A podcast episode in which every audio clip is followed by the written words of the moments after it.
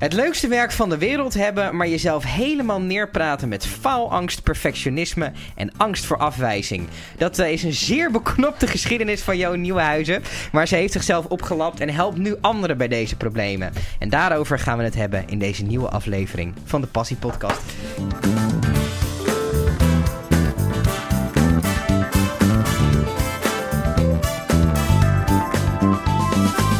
Jo, goed dat je er bent. Uh, jij werkte bij de KLM. Ja, klopt. Als purser. Als purser. En hoe, hoe vond je dat? De mooiste baan van de hele wereld. Ja, nou ja, dat, dat schrijf je ook op je website. Uh, en toch voelde je je er niet lekker bij. Uh, ik voelde me er lekker bij in ja. de lucht. Alleen mijn lichaam gaf aan alle kanten aan dat het, het niet meer wilde s'nachts werken. En ehm, dus uh, uiteindelijk moest ik wel naar mijn lichaam luisteren en heb daarin een noodzaak gecreëerd en gedacht van ja, ik heb nu keuze of op de grond bij de KLM te gaan werken, misschien op kantoor. Mm -hmm. Maar ik ben een vrij meisje. Mm -hmm. uh, vrijheid is mijn uh, belangrijkste rijkdom. Ja. En dus ik heb noodzaak gecreëerd en daarmee um, gezegd van nou, na 23 jaar genieten in de lucht met mm -hmm. veel dankbaarheid ga ik het avontuur met beide benen op de grond aan. Ja. En vond je dat niet eng? Ja, maar zo reet eng. Ja. Ja. Alleen, ja, zoals wel vaker gezegd wordt, als de deuren dicht gaan, gaan er andere deuren open. Mhm. En het was... Uh, ja, dat gebeurde bij mij ook. Maar voelde het echt zo alsof er een deur dicht ging? Voelde je echt van het kan niet meer? Want heel veel mensen die voelen misschien uh, dat ze zichzelf in de weg zitten, dat het niet meer gaat, maar die gaan dan, die gaan dan door.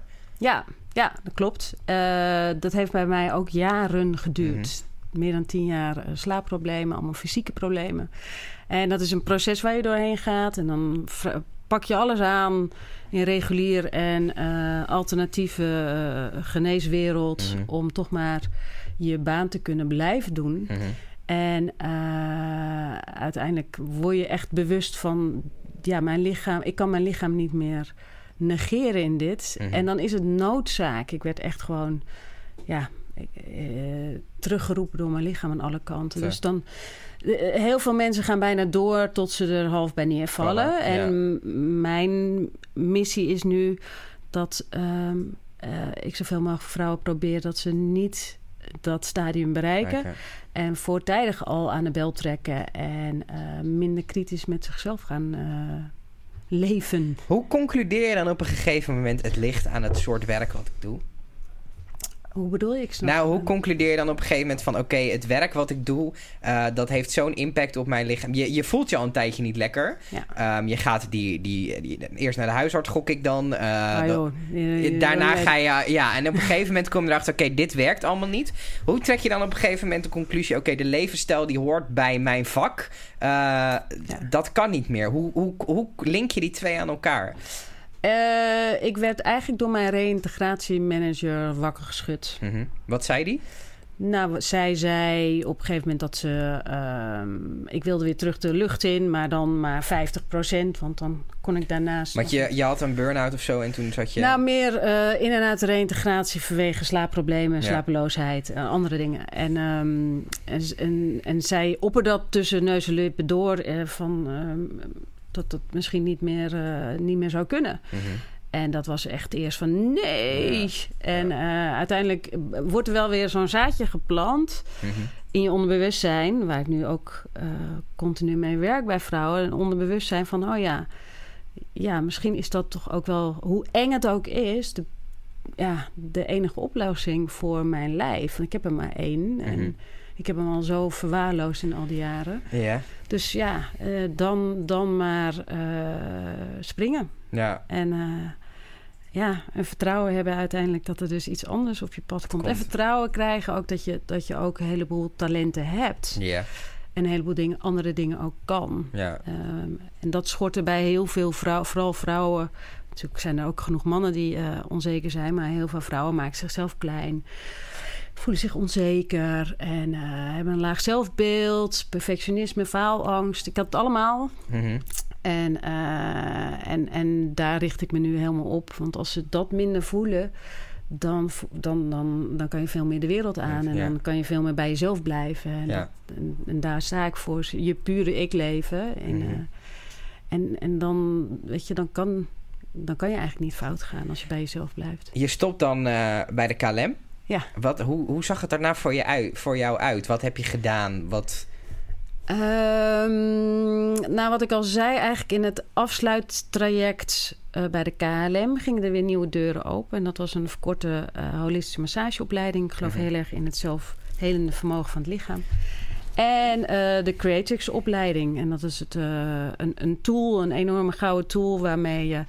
Um, wat specifiek voor het vrouw, de vrouw ontworpen is. Het verbaast niemand dat uh, mannen toch in een heleboel opzichten anders functioneren dan vrouwen. Mm-hmm. En deze is daar specifiek op gemaakt. En daarmee laat ik haar haar eigen onderbewustzijn herprogrammeren. Haar eigen grote criticus. Mm-hmm. Want we kunnen zo goed zorgen voor anderen. Ja. Want dat is onze zorggen. Waarom Ja. we zo, zo goed in de lucht waren. Alleen, uh, we zijn zo enorm kritisch naar onszelf in, ons, uh, in die bovenkamer daar. Mm-hmm. En uh, deze tool op een hele no-nonsense, niet spirituele, to-the-point manier kan ik haar haar eigen criticus laten herschrijven voor een liefdevol dialoog, zodat ze ook net zo liefdevol wordt naar zichzelf Zelf. als dat ze naar anderen zo goed kan. Ja. En dat is een wereld van verschil. Dat Ja. is echt prachtig om te zien. Dus ik, ik vind het heel erg leuk om mensen blij te maken, net zoals in de lucht. Ja. En dat doe ik nu met beide benen op de grond. ja. En uh, de, ja, ik, fantastisch. Is het, ehm, je, je noemt al vooral niet spiritueel. Waarom, waarom kies je dat woord om ertussen te zetten? Ja, omdat ik... Um, uh, voordat dit op mijn pad kwam... er heel veel spirituele wegen... die ik ook zelf voor een bepaalde, bepaalde dingen heb uitgeprobeerd... Ja. Uh, ervaren heb. Ja. En, um, en ook absoluut ziet dat daar heel veel te halen is... Mm-hmm. Um, en dat is dit het absoluut niet. Het is Mhm. heel erg waar heb je last van, niet spitten, waar het vandaan komt. Het kan zelfs overgeërfd zijn. Ja. Um, en, en, en heel erg to the point, niet te veel lullen, maar, uh, maar, doen. maar poetsen. En Mhm. dat past heel erg bij mij. Ja. Ik, uh, ik ben ook, vroeger was ik meer een tomboy. Dat ik ben gaan vliegen, dat stond ook niet in mijn, uh, in mijn vocabulaire. En ik heb er uiteindelijk heel erg van genoten. Ben jij een hard of ben jij een soft type? Ik heb namelijk het beeld bij mensen in de lucht. Je moet toch, als het moet, moet je orde kunnen houden. En flink ook. Want als er iets gebeurt in een vliegtuig... Gelukkig gebeurt het weinig. Maar dan moet je er... Ja, nou ja... Maar Jij goed, ziet weinig. ze, ze, blijven, ze wat. blijven vaak in de lucht hangen, zeg maar. Uh, ja. ja, maar je, je snapt mijn punt. Je moet best wel... Uh, maar ik denk dat je in je huidige beroep juist heel erg soft moet zijn. Nee, het is juist het tegenovergestelde. Hoe zit dat dan? Ja, uh, in de lucht worden wij toch wel geacht heel veel te slikken. Mm-hmm. Ondanks dat de wereld veranderd is, de tijd is veranderd. We zijn allemaal mondiger geworden. Ja. Dus uh, dat, daar is zeker wat in de afgelopen 25 jaar geleden dat ik begon, uh, dingen veranderd. Mm-hmm. En, maar het is nog steeds een dienstbaar beroep. Dat ja. heb ik nu ook. Alleen de methodiek die ik mag toepassen, die is, uh, wij noemen dat tough love. Mhm. Um, we hebben allemaal een, een saboteur in onszelf. Een, uh, onze fight-of-flight modus, onze, uh, onze afweergestel, een stukje hersenen wat het oudste is, mm-hmm. reptiele brein, die jou moet beschermen. En dat betekent jou in je oude patronen houden. En als die oude, patronen slecht zijn, dan nog steeds is die heel... En daarom wat het idee krachtig. daarachter is, op het moment, je leeft nu nog, dus wat je vroeger hebt gedaan, dat zal wel goed zijn. Is dat het idee een beetje erachter? Van het reptiele brein, ja. ja. Het is eigenlijk, je kan het zien als een kind van twee, mm-hmm. wat niet weet wat fictie of waarheid is. Het heeft één functie en dat is jou in dat oude patroon houden. Houden. Daarom is het zo moeilijk om oude patronen te doorbreken. te doorbreken. Met deze methodiek zetten we die even op een zijlijn. En staat, staat de dame voor mij open uh, om haar eigen onderbewustzijn te uh, herprogrammeren. Mhm. En, en 95% wat we in die bovenkamer doen en in ons lichaam is onbewust. Mm-hmm. Dus de, de, we kunnen alles wel in die 5% bewustzijn willen kunnen verklaren. We zitten vaak heel erg in ons hoofd. Mm-hmm. Um, maar als je dingen niet voelt, dan, dan komt het niet aan. En dat overlevingsmechanisme, de dingen die, die je in je jeugd meekrijgt... of misschien wel zelf hebt meegemaakt... die niet fijn zijn, die worden een soort van um, beschermd... door ook datzelfde mechanisme. Mm-hmm. Dus een heleboel mensen durven niet meer naar hun gevoel te gaan... omdat dat uh, onveilig voelt. Mm-hmm. Nou, dat zijn bijvoorbeeld ook issues die ik meeneem in het, de één op één trajecten die ik uh, met mijn klanten doe. is uh, bijvoorbeeld onveiligheid of boosheid of schuldgevoel. Dat soort emoties. Mm -hmm. Verdriet, maar ook dialogen als... eigenlijk alle vrouwen die bij mij komen zijn gevoelig. zijn heel erg bang om het niet goed te doen, niet goed genoeg te zijn. Bang om anderen teleur te stellen, pijn te doen, bang voor conflict. En daardoor proppen ze alles maar op. Mm -hmm. En vullen ze voor iedereen in om, om de vredemaat te kunnen bewaren. Ja. En um, ja, daarmee doen ze eigenlijk, komen ze steeds verder van zichzelf af te staan. Ja. En uh, je, kan niet, je kan niet iemand anders teleurstellen. Als, je kan hooguit iets doen of zeggen waardoor die ander zich teleurgesteld voelt. Maar dat gevoel is van de ander. Ja. Dus het stukje is van de ander. En, en heel veel vrouwen, uh, onze zorgen, heel veel vrouwen uh, zijn ook moeder. En ik, was dan, ik ben dan geen moeder, maar ik deed dat wel voor andere mensen. Alle, alle verantwoordelijkheid nemen op onze eigen schouders. Maar Ja. dat kunnen we niet voor andere mensen. Nee. Dus loslaten is moeilijker. Uh, vrouwen zijn over het algemeen stressgevoeliger, omdat ons brein meer gewired is. Dus alles is met elkaar verbonden. Mannen kunnen het over het algemeen veel meer in hokjes Plaatsen. plaatsen. Ja. Dus, um, en in, in dit beroep moet ik tough love. Dus als ik zie dat zij gesaboteerd wordt in het proces, dan uh, moet ik wel wat, uh, wat strenger zijn. Nee. Dus dat heb ik echt wel moeten leren. Ja. Dat, uh, Vond je ja. dat eng in het begin? Ja, absoluut. Ja, het voelde heel onnatuurlijk. Mhm. Want ik wilde niemand, uh, in eerste instantie ook niemand verdriet Heb je doen. dan, of, had je uh, dan in eerste instantie misschien juist iets van... oké, dit zijn uh, mensen die al wat kwetsbaarder zijn... en als ik nu heel streng tegen ze ben... Uh, dan valt dat misschien heel erg verkeerd? Ja, ja. En is dat zo? Um, ik weet niet of mensen kwetsbaarder zijn. We zijn allemaal op een bepaalde manier kwetsbaar. Mm -hmm. mm, het, het, lag in eerste instantie aan mij. Ik heb daar, ben daar ook in gegroeid. Want ik heb daar ook mijn eigen proces in gehad. Op de opleiding, uh, de creatives-opleiding, uh, pakken we elkaars uh, grootste issues aan. Yeah. En daarna komen, dat is, ik zie het altijd als een ui wat afgepeld wordt. Daarna komen er weer andere, kunnen er weer andere issues of triggers naar boven komen die je emotioneel raken. Ja. En het mooie is van uh, uh, mijn collega's, uh, mijn creators collega's, we, we tekenen een licentie waarin we ook zeggen dat we alle issues die, die bij onszelf weer nieuw opkomen, dat we die pro-deo bij elkaar herprogrammeren. Mm -hmm. Dat wil zeggen, hoe cleaner wij zijn, hoe beter we de klant kunnen helpen. Omdat wij niet meer in ons stukje ja. geraakt wordt. Dus als, als een klant nu heel eerlijk iets tegen mij zegt... waar ik in het verleden door geraakt zou zijn... en mezelf uh, naar beneden zou hebben gehaald mm met... oh jee, weet je wel, uh, heb ik iets verkeerd gedaan... of, uh, of afwijzing gevoeld hebben... of nou ja, allemaal van die bullshit verhalen. Dat voel ik nu niet meer. Dus ik kan het bij haar laten. Ja. En daardoor zal zij zich ook veiliger voelen en opener voelen om um, met mij te werken. Want het is, het is heel dapper als ze naar mij toe komen. Want de, er worden echt wel dingen gezegd die... Uh, waar mensen niet trots op zijn. Ja. En, en, we kunnen zo goed die pokerface ophouden. Maar van ja. binnen, daar zeker, gaat er van alles... Kapot. Uh, nou ja, kapot. Ja, het ja. is... De kracht van de woorden zijn heel, heel erg sterk. Positieve aandacht, maar ook in woorden... Ja. is uh, bizar uh, hoe we eigenlijk onszelf vergiftigen met negatieve aandacht... waar niemand wat aan heeft. Schuldgevoel, uh, nou ja, jezelf klein maken... Nou, dat soort dingen. En dat, daar, daar sta ik voor. Jij richt je op vrouwen. Ja. Waarom alleen vrouwen?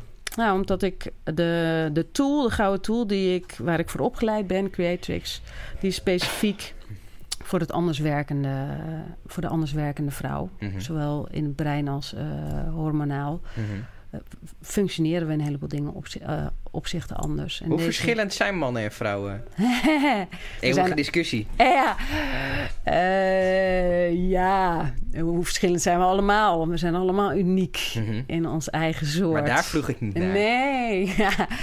nou, wat ik al zei, uh, ons brein werkt in sommige opzichten anders. We, de vrouwen hebben een grotere brug tussen de linker en de rechterhelft. De mannen weer een grotere brug tussen voor en achter. Mhm. Reageren anders, generaliserend, ja. vaak op gevaar. Um, ons hormonaal stelsel is compleet anders. Um, en, en als we aan beide kanten meer bewust worden van onze talenten, Mhm. mm -hmm. Want jullie hebben hele krachtige, zo zie ik het, zo fysiek en, en ja, we hebben allemaal onze talenten in onze, in onze, uh, in ons soort. Mhm. En daar, daar streef ik voor dat dat beter gebruikt wordt, zowel bij de mannen als bij de vrouwen. Zie jij vaak dat die onzekerheden ook voortkomen uit, uit een relatie? Ehm, nou, die onzekerheden komen vaak terug. Mhm. Op het moment, om het even in dezelfde termen te houden als de lucht. Ja. Op het moment dat eh, iemand, dus mannen of vrouwen, maar ik werk alleen met vrouwen, dus ik hou het nu even alleen op vrouwen. eh, dat ze van de automatische piloot afgetrokken wordt. Mhm.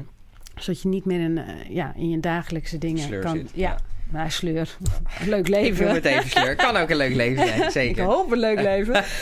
Ehm, en dat kan zijn scheiding, ehm, eh, verlies van baan, andere functie, ehm, fysieke problemen.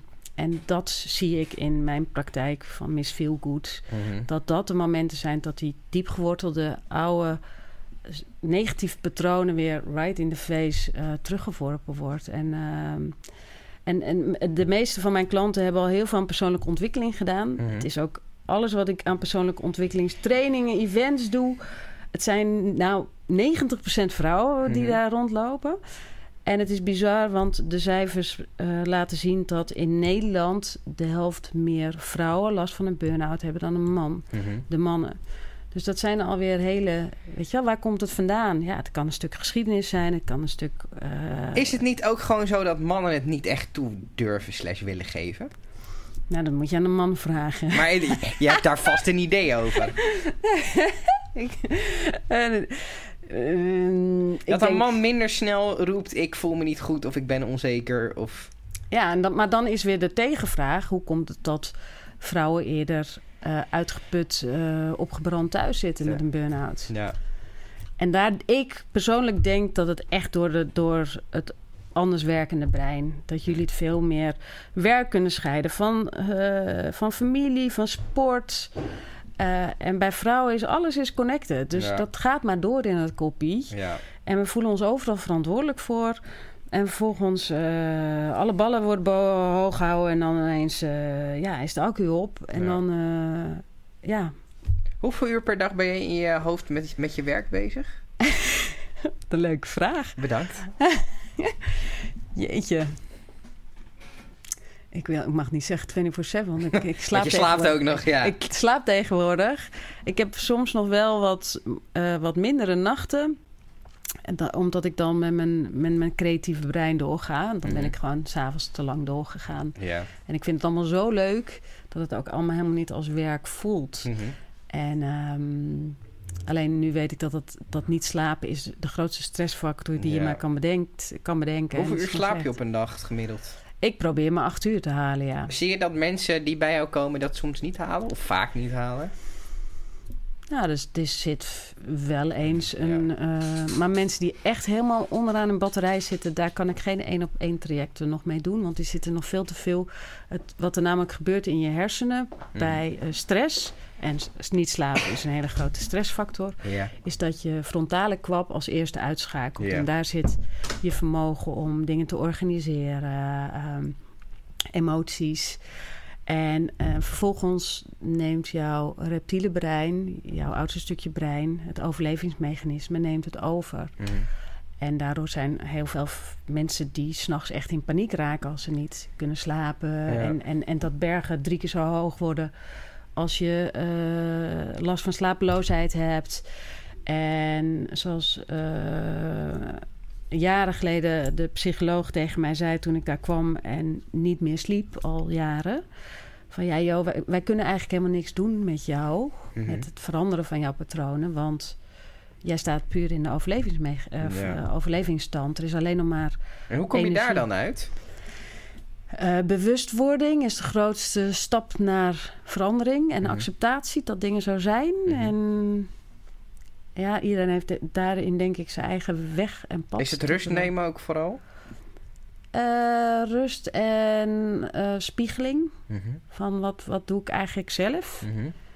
Want alles wat je buiten jezelf legt of andere mensen de schuld geeft, dat, dat, dan geef je eigenlijk je eigen kracht mee weg. En dat Ja. is zo zonde. Ja. Want die kracht, die, energie heb je nodig. Ja. Dus Wat ehm, zie je zelf ooit... eh, heb je nooit de angst dat je terugvalt, zou vallen in waar je toen zat? Dat dieptepunt? ja, een hele goede vraag. Ehm, Of heb je zoiets van... Nee. Ik heb me daar inmiddels ook, omdat het je vak is geworden, zo in ontwikkeld... dat ik mezelf daartegen kan beschermen. Ik heb dusdanig mezelf eh, al opgeschoond dat ik dat niet, Meer zie gebeuren. niet meer zie gebeuren. Dat ik goed genoeg voor mezelf zorg Mhm, en mezelf op de eerste plaats zet. mhm. Zeg, zeg maar het kip en het ei. Je moet Mhm. eerst, de kip moet blijven leven om voor het ei te kunnen zorgen. En ehm, ik weet dat ik, als er weer dingen naar boven komen die me te veel energie kosten, of die me irriteren of die me boos maken, dat zijn allemaal signalen dat er iets is bij mij wat, wat wrijft of wat triggert. Mhm. Dan stap ik naar mijn collega's toe en dan hebben we binnen drie kwartier hebben dat issue her- opgelost. herschreven. Ja. Ja, eh, en dat is, dat is prachtig. Dat is echt Ja. geschenk uit de hemel. Dat, dat gun ik iedereen. ja. Wat... ehm, Zo, dan ben ik mijn vraag Nee, ja, en, en mag ik daar nog Ja, een, een, een, eh, Ja? Ik heb wel eens een, een keer een klant gehad. Die was ooit schooljuf geweest, had een burn-out gehad. En zij ehm, was voor zichzelf begonnen, Mhm. maar kon niet vol voor haar eigen eh, business gaan. Mhm. ze is een relatiecoach en een hele goede. En ehm, wij hebben allerlei dingen aangepakt in, in, in het traject. En op een gegeven moment... eh, ze, ze was een online programma aan het maken en zij was een vi- video. eh, maar ze kwam er niet voorbij die eerste video, want het was nooit goed genoeg. En, Mhm. Ja. We hebben dat geïntegreerd in een sessie. En ik heb haar de opdracht gegeven: stap uit je comfortzone. En weet je wel, vandaag gaat die video online. Ja. Einde van de dag kreeg ik een appje. Yo, ik heb er wel drie gedaan. en eh, ik zeg, oh Iris, heb je wel genoeg rust genomen? Ja. En ik voel me hartstikke goed.